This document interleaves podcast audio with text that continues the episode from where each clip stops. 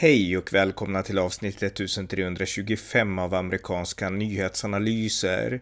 Sveriges enda konservativa USA-podd med mig, Ronny Berggren, som kan stödjas på swishnummer 070-30 28 95 0. Här följer en uppdatering om det senaste i USA tillsammans med min kollega Björn Nordström. Varmt välkomna! Björn Nordström, välkommen! Ja, tack så mycket. Eh, vi ska uppdatera lite grann om det senaste som hänt i USA och även i världen, för det har hänt en del där också såklart som alltid, men du kan börja. Ja, det, det händer en del i New York City nu, i framförallt en privatskola i New York för väldigt rika människor. Och uh, det, det började med att det var en pappa för några veckor sedan som gick ut i ett brev och skrev att bokstavligen hans dotter och lärarna på den skolan, vad ska man säga, Eh, är vad ska, rasistiska mot vita, öppet rasistiska mot vita och liksom börjar tvinga vita barn att, att ta avstånd från sig själva. Liksom den här enormt konstiga omvända rasismen om man säger. Va? I alla fall, och det har blivit en ganska stor nyhet nu i, i framförallt konservativ media i USA.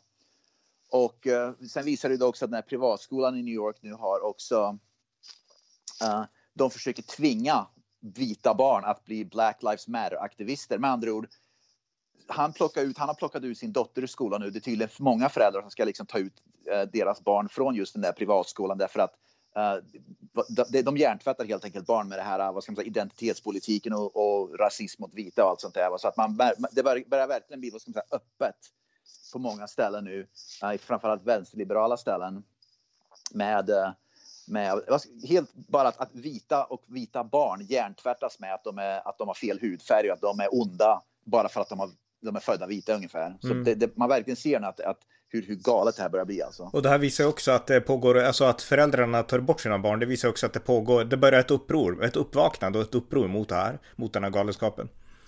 Precis, och det, det, precis, det var början med att en förälder tog ur sin unge ur den skolan. Nu är det tydligen många föräldrar som gör samma sak och de skriver öppna brev om det. Så att för två, tre, fyra år sedan så var det ingen riktigt som vågade göra sånt därför att då liksom blir man rasistanklagad direkt. Men jag tror att det är tillräckligt många nu i USA som börjar verkligen inse nu att det här med den här woke-rörelsen nu och det här cancel culture har blivit så, det, det, liksom, det, det, det är liksom totalitarism helt enkelt. Att allt fler börjar tala ut om det, allt fler börjar motsätta sig det liksom offentligt. Man bryr sig inte längre om om, om man blir liksom stämplad som nazist och rasist och allt det där. Man liksom bryr sig inte längre utan nu är det bara som att jag måste skydda mig själv, min familj och mina barn från den där, den där fruktansvärda totalitära vänsterliberala uh, kulten. Mm. Ja. Eh, ja, något annat? Japp, uh, vi pratade om att Donald Trump, han, hans, um, att hans Facebook-konto, de skulle, Facebook, den här Board of Governors, eller heter Governor, Governing Board, skulle titta om han får komma tillbaka till Facebook, men de höll i alla fall, uh, han ska inte få komma tillbaka till Facebook verkar det som. Mm. Um, så att det verkar vara kört för honom, men... Eh, ja, eh, någonting annat? Jo, för att fortsätta på det här med Black Lives Matter i alla fall.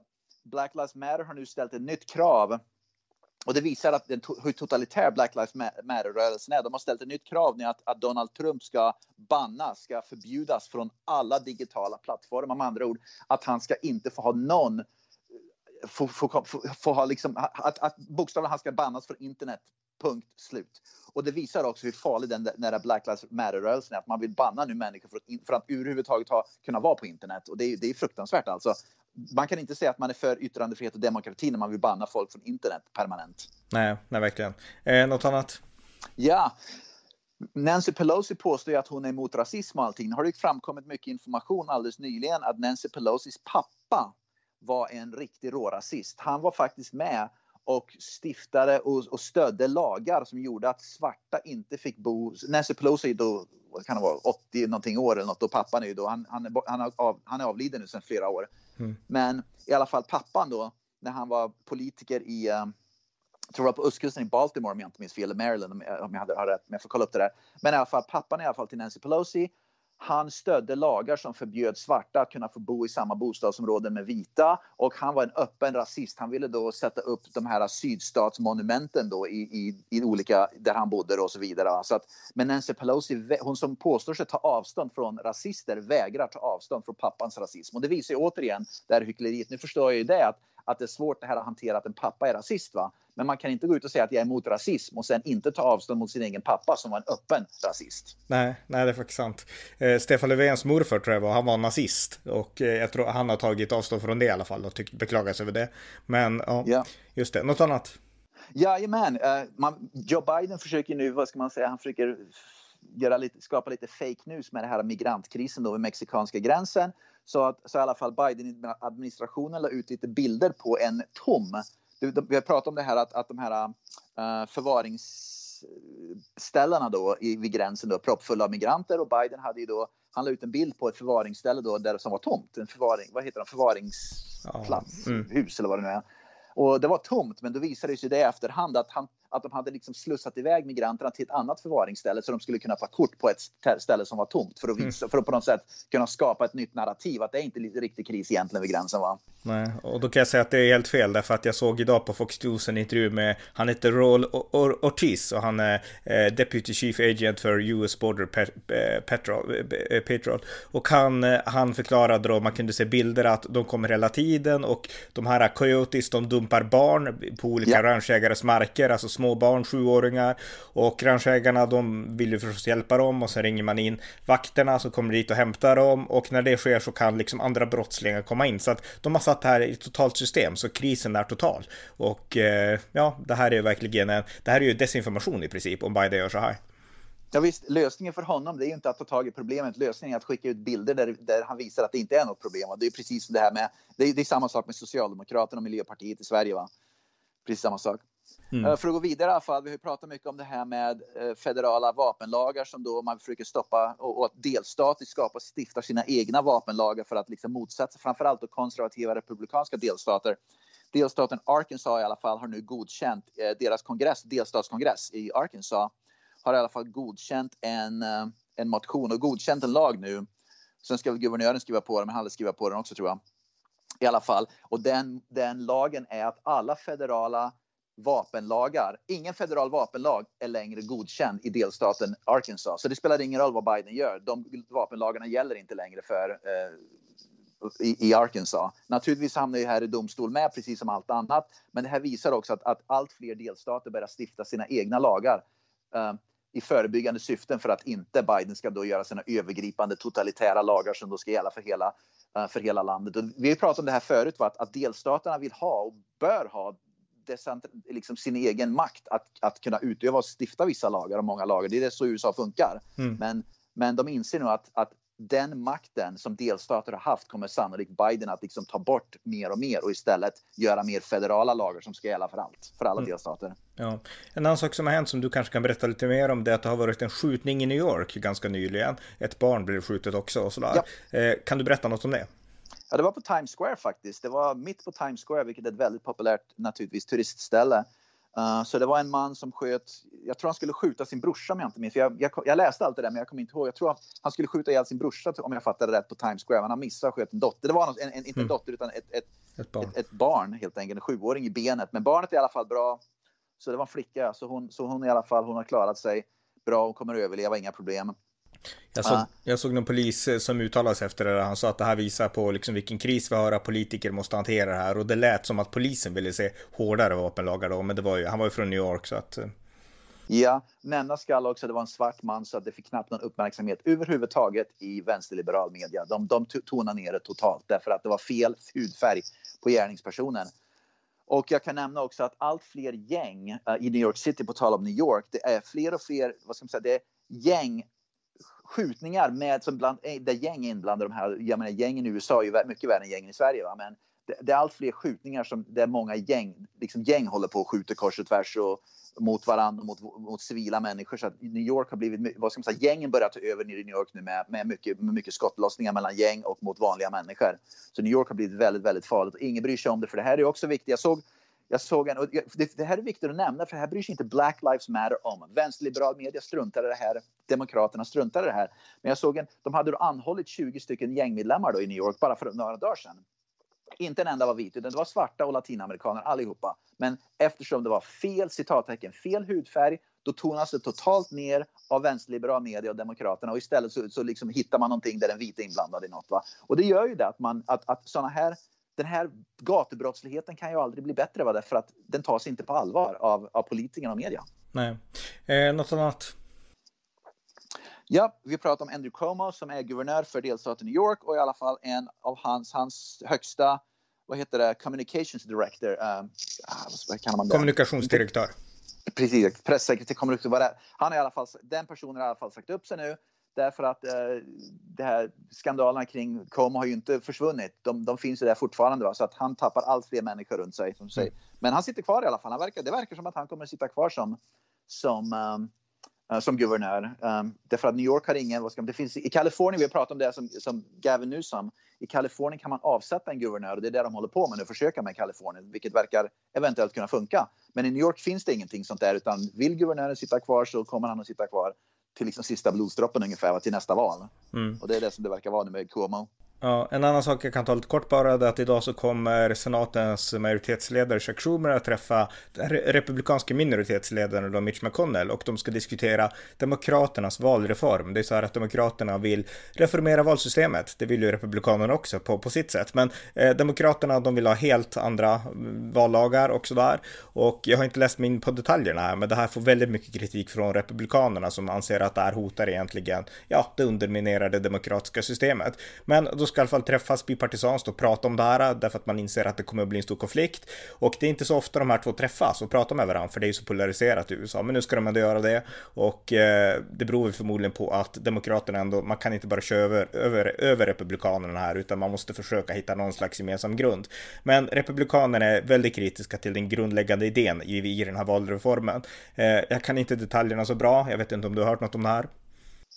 Jag, jag, vet inte detaljerna heller, men generellt för att liksom generalisera som det normalt funkar. Demokraterna vill att illegala invandrare ska kunna rösta. De vill inte att man ska behöva visa ID-handlingar eller identifiera sig när man går och röstar. Man vill ha extremt slappa eh, vallagar helt enkelt för att människor ska kunna rösta flera gånger. Så att, och republikaner vill ha det rakt motsatta. Så det handlar om, vill man ha, måste man ha ID-kort när man, när man röstar? Ska man då kunna, ska man kunna rösta, poströsta? Eh, är liksom poströstningen den nya normen nu som ska ske och så vidare. Och så, vidare. så det handlar om, vill man ha strikta val, vallagar som gör att man måste identifiera sig och bevisa vem man är för att upprätthålla demokratin? Eller ska man låta vem som helst komma och rösta um, hur som helst? Det är liksom mm. det det handlar om i princip i grunden. Och det känns som att här slits verkligen båda partier åt helt olika håll. Demokraterna de vill ha valreformer åt sin riktning, åt extrema ja. republikanerna åt sitt håll liksom. Så att det, det finns verkligen, alltså här är det en konflikt, det är inget snack om det. Ja, ja visst, och det handlar ju om om att Demokraterna, de, deras intresse det är att få så många nya väljare som möjligt och det får man ju genom att ha slappa vallagar. Mm. Och Republikanernas intresse det är att ha strikta vallagar därför att då vet man att då, då, då, då, då tappar Demokraterna många potentiella väljare om man har strikta vallagar. Så mm. enkelt är det ju faktiskt. Ja. Eh, har du något annat? Jajamän. Uh, det var den här nya jobbrapporten som kom ut i april och det var, jag tror det skapades drygt 250-260 000 nya jobb i USA, vilket var mycket, mycket, mycket mindre än förväntat. För USAs ekonomi är, eller borde vara nu på högvarv. Många delstater går ju ruggigt bra. Men jobbrapporten, antalet nya jobb som skapades var betydligt lägre än, än det som var förväntat i alla fall. Och det säger mig att många arbetare, och jag har, jag har berättat om det förut, jag har ju personliga vänner som driver egna företag.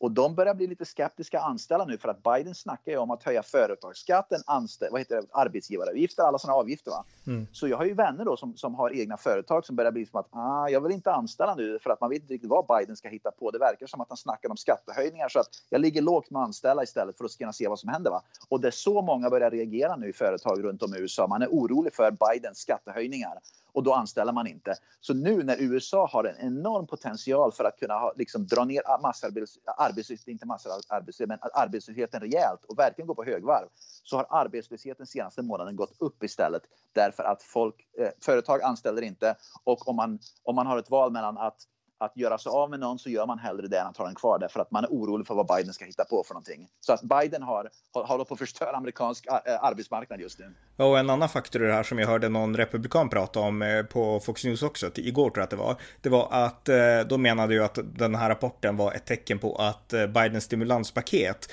gav felaktiga incitament. Att det här gjorde att folk istället för att söka jobb så kunde de nu ligga hemma lite längre. Och jag vet inte hur pass sant det är, men det var en aspekt som kastades in i den här debatten. Jag vet inte, vi har pratat om det förut du och jag också, men någon tanke, kan det också vara en del av konceptet? Eller en del av... Ja, absolut, det stämmer ju absolut. Flera delstater, minns i Arizona tror jag har gjort det just nu och det var en delstat till, en, en republikansk delstat, minns inte vilken det var, om det var Florida som snackade om det eller var South Carolina eller sånt där. Men i alla fall, de har sagt nu att um, de, att, att, för att du ska få vad ska man, vad är arbetslöshetsbidrag, vad, jag vet inte vad det heter på svenska längre. Um, ersättning typ. Mm. Ersätt, arbetslöshetsersättning och sånt där. Så måste du bevisa att du sök, aktivt söker jobb. Senaste året under corona så har du inte ens behövt söka jobb för att få arbetslöshetsersättning. Du bara liksom, er, a, a, a, det liksom normalt innan corona slog till så var man tvungen i USA att söka jobb och bevisa att man söker jobb då för att få ersättning.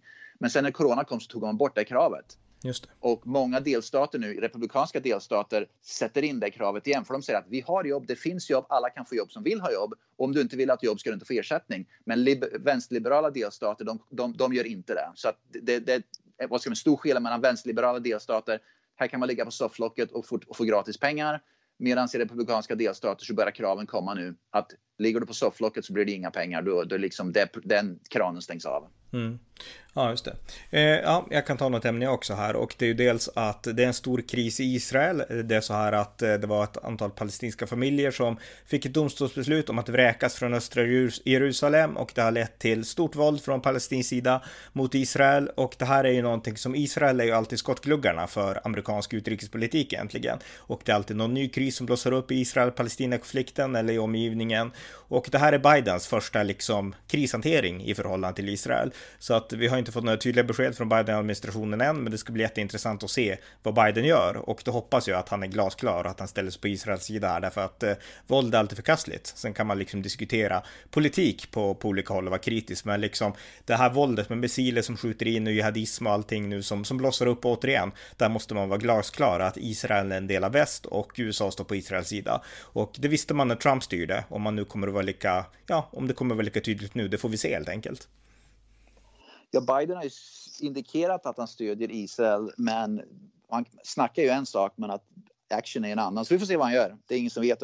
Trycket från den här The Squad och de här, framförallt, vad heter hon, Omar, Ilan Omar och Rashida Talib och alla de där som är då antisemiter. Mm. Det trycket från dem, det kommer ju vara att Biden helt enkelt stödjer Palestina, palestinier helt enkelt. Så är det ju bara. Sen får vi se. Det gamla gardet av Nancy, Nancy Pelosi och Chuck Schumer tror jag, de kommer nog ge sig stöd till Israel. Så, men att det här kommer ju definitivt att bli en konflikt inom det, inom det demokratiska partiet. Det är inget snack om det. Mm, nej, precis. Eh, en annan sak som har hänt internationellt är att eh, Kina har ju skjutit upp en raket. En raket med det här ironiska namnet, den långa marschen 5B heter den. Och den här raketen har då skjutits upp i rymden och resten av den har sedan fallit tillbaka till jorden genom atmosfären. Men det är inte bara liksom små prylar eller små partiklar utan det är stor liksom rym, stort rymdskrot helt enkelt som har ramlat in genom atmosfären och eh, det föll ner i, i Stilla havet om jag minns rätt nu. Det var bara häromdagen. Men men USA är i alla fall kritiska till Kina att man gör sånt här därför att det här kan trilla ner vart som helst och man måste vara mycket mer ansvarsfull när man skickar upp saker i rymden som man sen vet kommer att falla ner på jorden igen. Och eh, USA har varit jättetydliga att man, man är kritiska till hur Kina agerar och jag tycker att det, det är väldigt bra att, att USA är så tydliga här. Hur har Sverige ställt sig till, hur har Miljöpartiet i Sverige, har de tagit avstånd från det där, eller Greta Thunberg eller sånt där? Därför att Kina slänger nu skrit, bokstavligen, de kastar skrot i haven. Och det är någonting som miljö, svenska regeringen borde fullständigt ta avstånd ifrån. Men det gör de väl inte kan jag tro. Nej, kanske inte, kanske inte. Men USA gör det och det tycker jag är bra. Har du något annat? Jajamän. Uh, Donald Trump ska starta sina de här MAGA-rallys igen. Liksom de här, när han åker till de här stora stadion och platserna där det kommer 20-30 000 pers för att så att han ska dra igång dem igen nu i alla fall. Och det, det sänder ganska klara signaler till det republikanska partiet åt vilket håll han lutar inför valet 2024. Så att det, det här kommer ju kunna skapa lite ännu mer problem därför att om han håller sina jättestora rallys med 20, 30, 40, 50 000 pers va, mm. regelbundet, mm. då, då, blir det ju svårt för Republikanska partiet att bara dumpa honom. Ja, verkligen. och han har alla chanser i världen i sådana fall att verkligen bli kandidat. Alltså han, han blir ju kandidat 2024. Partiet kommer inte dumpa hon, kunna dumpa honom mot hans vilja. Det finns inte en chans liksom. Som det ser ut nu Precis. i alla fall. Så att, eh, ja. En annan sak som har hänt i USA som är väldigt stort som du kanske kan mer om, det kanske till och med påverkar dig personligen, det är att det har varit en cyberattack mot uh, The Colonial Pipeline som är USAs, en av USAs största, uh, ja, vad säger man, från ledningar för, jag vet inte om yeah. det är för olja eller för ren bensin, men, men den har blivit attackerad i alla fall. Bensin. Okej, okay, för bensin, precis. Yeah. Den har blivit cyberattackerad, hackad och därför har man stängt ner den här pipelinen då för att inte liksom, ja, infiltreras och påverkas. Och eh, hur påverkar det USA nu? Bensinpriserna går upp gissar jag. I, i, tydligen så den pipeline specifikt gick från Texas till upp till nordöst, New England, nordöstra USA där jag bor. Jag har inte, nu har jag inte tankat på kanske en vecka snart, men jag har inte sett några större prishöjningar i Vermont i alla fall vad gäller bensin. Det kanske går upp lite grann, men enligt det jag har läst i alla fall i vissa ställen så, så är bensinen slut. Mm. Så kan man inte få bensin. Så vissa ställen har inte någon bensin och andra ställen, där jag har sett i alla fall, där jag bor, så har det inte påverkat i princip någonting annat några ören hit och dit som har gått upp. Just det, det var en stor kris i North Carolina i alla fall såg jag att det var många bi bilar som köade för att ens kunna tanka. Okej, okay, liksom. så det har påverkat där, ja. Mm. ja.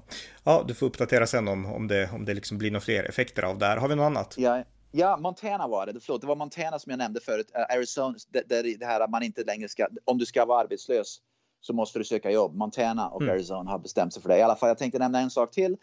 Uh, Gretchen Whitmer som är guvernör för delstaten Michigan, hon är ju då utmanad nu, kommer att bli utmanad officiellt av Detroits före detta polischef, jag tror han heter James Craig. Det är en svart polischef, han var en av dem som när de här uh, våldsamheterna, alla de här uh, oroligheterna hände med på gator och torg runt om i hela USA, var det i somras då framförallt. Uh, han tog ju i med hårdhandskarna då i Detroit och det var ju det som gjorde att Detroit inte hade några problem med de här upploppen utan för därför att polischefen, återigen, han är svart och det är synd att man måste nämna hans hudfärg, det är idiotiskt alltså, men det är viktigt i sammanhanget. Va? Han tog i med hårdhandskarna så att det, det var ingen som vågade begå upplopp där. Han i alla fall ska utmana Gretchen Whitmer uh, och han är republikan för, för att bli guvernör nu i nästa val och det blir ju utmärkt att se. Det ska bli spännande att se om han eh, som republikan, men han är svart, kommer att kunna liksom, för hans hans vad ska man, plattform då handlar mycket om ordning och reda. Att han vill ha, ha, få, få tillbaka ordning och reda i, i delstaten Michigan. Mm. Till skillnad från uh, Gretchen uh, Whitmer. Just det, ja, ja, det ska bli ett spännande. Eh, har du något annat? Ja, uh, Joe Biden snackar ju mycket om det här med att, att han ska ha etik, att Donald Trump inte hade, inte hade någon etik och moral. Han kritiserade då Trump mycket för att, liksom, att, att vara inte transparent och han var omoralisk och han gjorde allting. Men nu visar det sig att Biden, han har flera rådgivare. Det finns någonting i USA som heter uh, uh, ethic rules, ethics rules. Det, det, med andra ord reg, etikregler som gör att, att man inte kan anställa vissa personer som rådgivare eller arbeta i Vita huset därför att du kanske har haft kontakt tidigare med maffian. Det, det, liksom, det, det har haft något, liksom, eh, någonting i din, din, i din historia gör att du, du inte liksom har tillräckligt mycket etik och moral för att få arbeta i Vita huset. Mm. Joe Biden i alla fall har nu åsidosatt de där etikreglerna som finns för att kunna anställa vissa personer som, har jobb, som jobbar för fackföreningar. Så att med andra ord, han har slängt undan. Han har sagt att vi, jag behöver anställa människor från fackföreningar, men om jag använder oss, om jag applicerar etik och moralreglerna som finns för Vita huset, då kan jag inte anställa de personerna. Då måste jag åsidosätta de reglerna. Och det är ganska konstigt, för det han säger att personer jag ska anställa nu för att jobba i Vita huset åt mig, som, ah, som, som representerar fackförbund i USA, de har agerat med för dålig etik och moral historiskt sett. Men jag tänker ändå anställa dem. Mm, okay. Det blir ganska komiskt. Ja, verkligen, verkligen. Ja, något annat? Uh, var det, vi pratade om det här med uh, Caitlyn Jenner. Uh, Bruce, Bruce Jenner som uh, före detta amerikansk kändis. Tiokamp eller något sånt mm. tiokampare, var med i OS och så vidare. Va? Som blev en trans och han, han, hon, Caitlyn Jenner som hon heter nu, har gått ut och sagt att hon är emot um, att biologiska män tävlar mot, mot flickor i sport. Va? Och vi pratar om det där. Uh, nu har i alla fall han, den personen, han har i alla fall hon, Caitlyn Jenner är nu uh, stämplad som en transofob officiellt bland vänstergalningarna. Hmm. Så att en trans, transperson är stämplad som transfob. Det är precis samma sak som att uh, vissa svarta personer då stämplas som rasister mot svarta därför att de inte stödjer vänsterliberal politik. Va? Så att mm. det, det, här blir komiskt, det är bortom komiskt alltså. Ja, men det, det, är bra att den här debatten sätter igång. I Sverige har vi ju den här uh, vänsterextremistfeminismen som heter Kajsa Ekis Ekman och hon är verkligen, alltså hon är feminist och jag är väl ingen vän av henne egentligen, men hon är nu väldigt tydligt att uh, transgenderrörelsen, den är en fara för kvinnor, alltså för feminister, riktiga feminister, därför att uh, till exempel då uh, biologiska män som har bytt kön till kvinnor, alltså det, det, funkar ju inte inom liksom, alltså det skulle förstöra kvinnosporten, så hon är också en av de här som är kritiska mot den här trans, transgenderrörelsen nu som finns. Och jag tycker att det, det är jättebra att kritiken kommer från alla håll egentligen. Så att, ja, men mm. när till och med transer börjar kritisera det där, då inser man att det är någonting som är fel med den här rörelsen. Va? Ja. Det, det, är som att när många svarta, det är många svarta, allt fler svarta som vi har pratat om det förut, som kritiserar Black Lives Matter. då inser man att det är något som är fel med den rörelsen. De inser att det här är inte, handlar inte om, om, om svartas rättigheter, det här handlar ju om, om totalitarism helt enkelt. Det är ju en politisk ideologisk rörelse, inte någon, någon civil rights movement. Nej, nej visst. Eh, ja, har vi något annat? Och på, ja, precis, jag tänkte bara nämna det för att tala om, om det här med transgender. Delstaten Oklahoma har nu förbjudit att de här critical race och de här uh, uh, vad heter det, gender-based um, mm. Ja, men de här kritiska får, rasteorierna och allting. Precis, ja. man får inte undervisa sådana i, i, i, i skolor i Oklahoma i alla fall. Sånt får man inte göra. Och även delstaten Tennessee har sagt samma sak. Så går man på skola i Tennessee och Oklahoma så får man inte, sånt där får inte undervisas i skolan därför att de har helt enkelt kommit fram till att, uh, att det, är, det är skadligt för barn. Det är, liksom det, det, är baser, det är inte baserat på fakta eller vetenskap eller någonting utan det är mer hjärntvätta barn. Och jag såg en intervju med Martha McCallum, hon jobbar då, hon är eh, journalist för Fox News. Jag såg inte hela intervjun, jag såg snuttar av den, jag läste, framförallt läste jag den.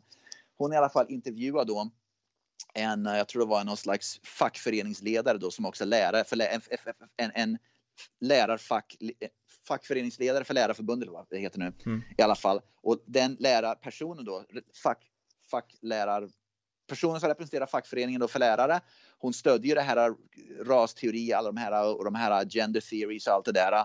Men Martha McCallum som är Fox News, tack och lov, till skillnad från, vänster, från vänsterliberal media, hon totalt gick efter och började ställa de här tuffa frågorna och även började argumentera mot och sa att det du säger om det här med gender theory, race theory, hon pratar också om det här 1619 projektet mycket, att det, det, är inte baserat på någon vetenskap, det är bara rent trams, det är bara det, teorier som ni har hittat på, men det finns ingen vetenskap som stödjer det du säger. Så om du sitter här och talar om allt det här, vi måste, vi måste klargöra att du pratar inte om vetenskap eller fakta, vi pratar bara om åsikter och teorier och det är viktigt att klargöra. Så att tack och lov så liksom Fox News har tuffa journalister som, som ställer sådana frågor. Vad man önskar att svensk media hade de typerna av journalister som vågar ställa de frågorna till de här säga, extremistiska rörelserna som också finns i Sverige nu. Mm. Eh, jag tänker säga att eh, CNN som vi har pratat om ofta har kritiserat då för att de har blivit eh, liksom en woke-kanal egentligen.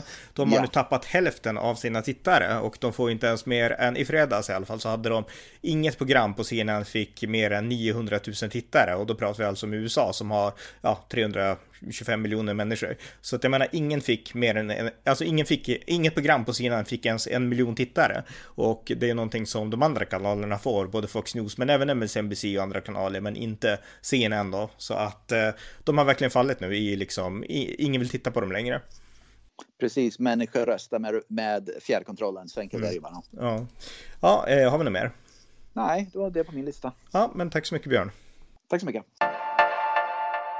Det var avsnitt 1325 av amerikanska nyhetsanalyser. En podcast som finns för att ge det konservativa perspektiv på USA som svensk media inte ger. Stöd gärna på swishnummer 070-30 28 95 0 eller via hemsidan på Paypal, Patreon eller bankkonto. Det var allt för idag. Tack för att ni har lyssnat.